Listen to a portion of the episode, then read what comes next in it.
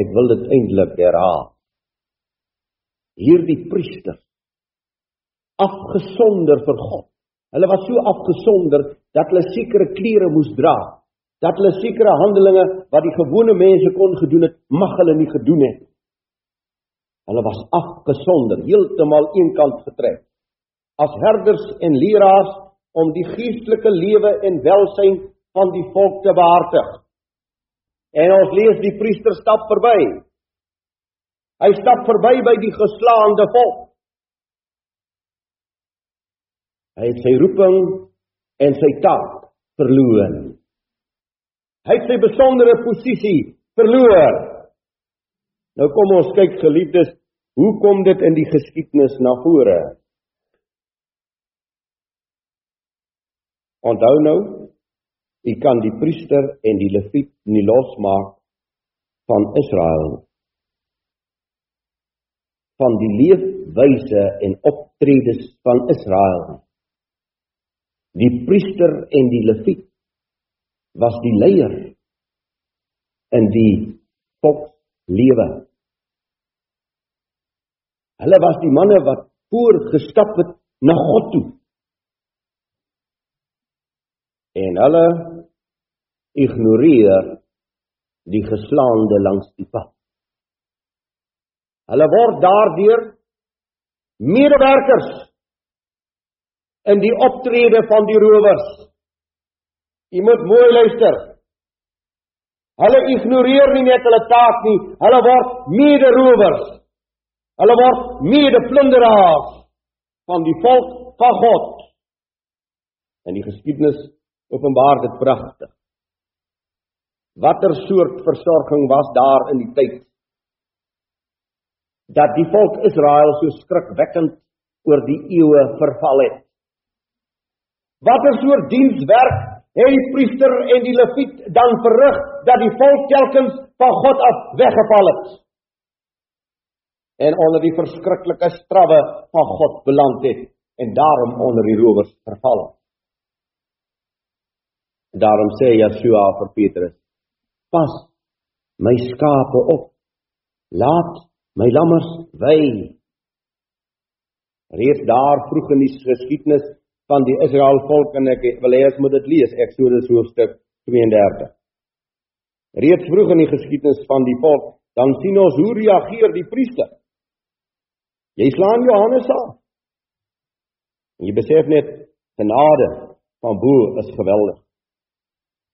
Vers 1 vanaf Eksodus 32: Toe die volk sien dat Moses vertoef om van die berg af te kom, het die volk rondom Aaron versamel en vir hom gesê: "Kom, maak vir ons gode wat voor ons uittrek.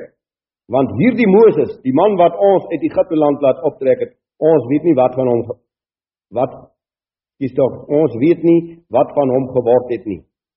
En Aaron sê vir hulle: "Ruk die goue ringe af wat aan julle ore en van julle vroue, julle seuns en julle dogters is en bring dit vir my. Nou die verdere geskiedenis, Aaron die priester maak vir die volk van God 'n goue kalf om rondom te dans en te aanbid.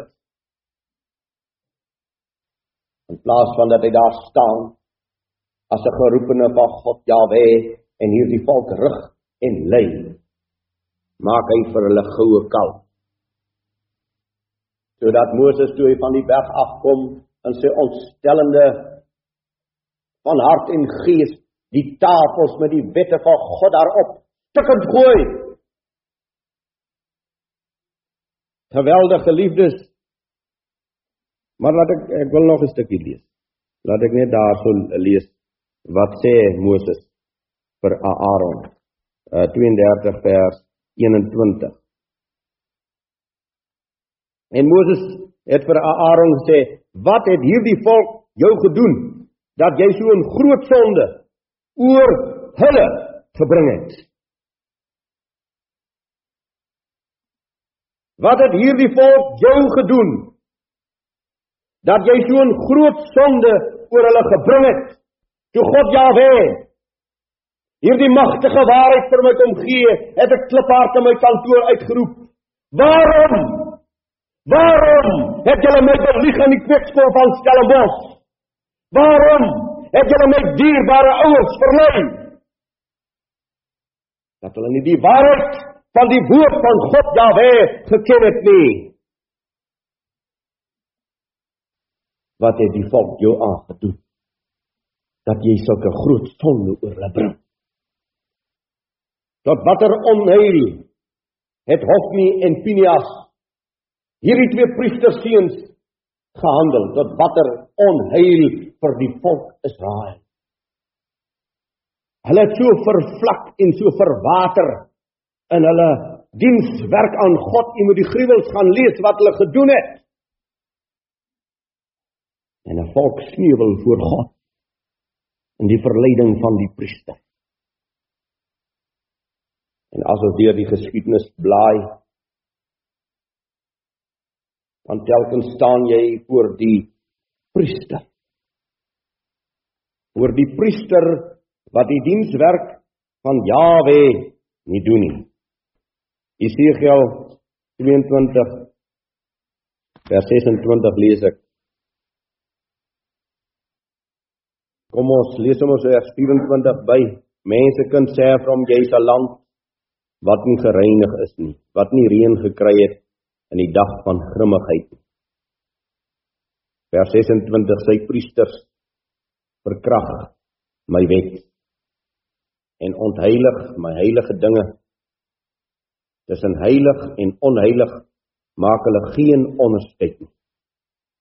En die verskil tussen onrein en rein gee hulle nie te kenne nie. Daarby maak hulle hulle oë toe vir my sabbate Ja, ek word onder hulle ontheilig. Verskriklik. Die priesters gee nie aan die volk te kenne wat is heilig en wat is onheilig nie.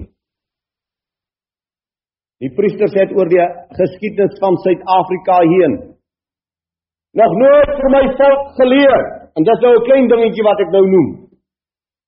Wat is onrein diere en wat is rein diere? Wat sê God se wet nie? Wat mag jy eet en wat mag jy nie eet nie? En dis 'n wet van Jawe, dit is nog nooit verander nie. Daar is nooit 'n wet van U en my God wat ooit verander word nie.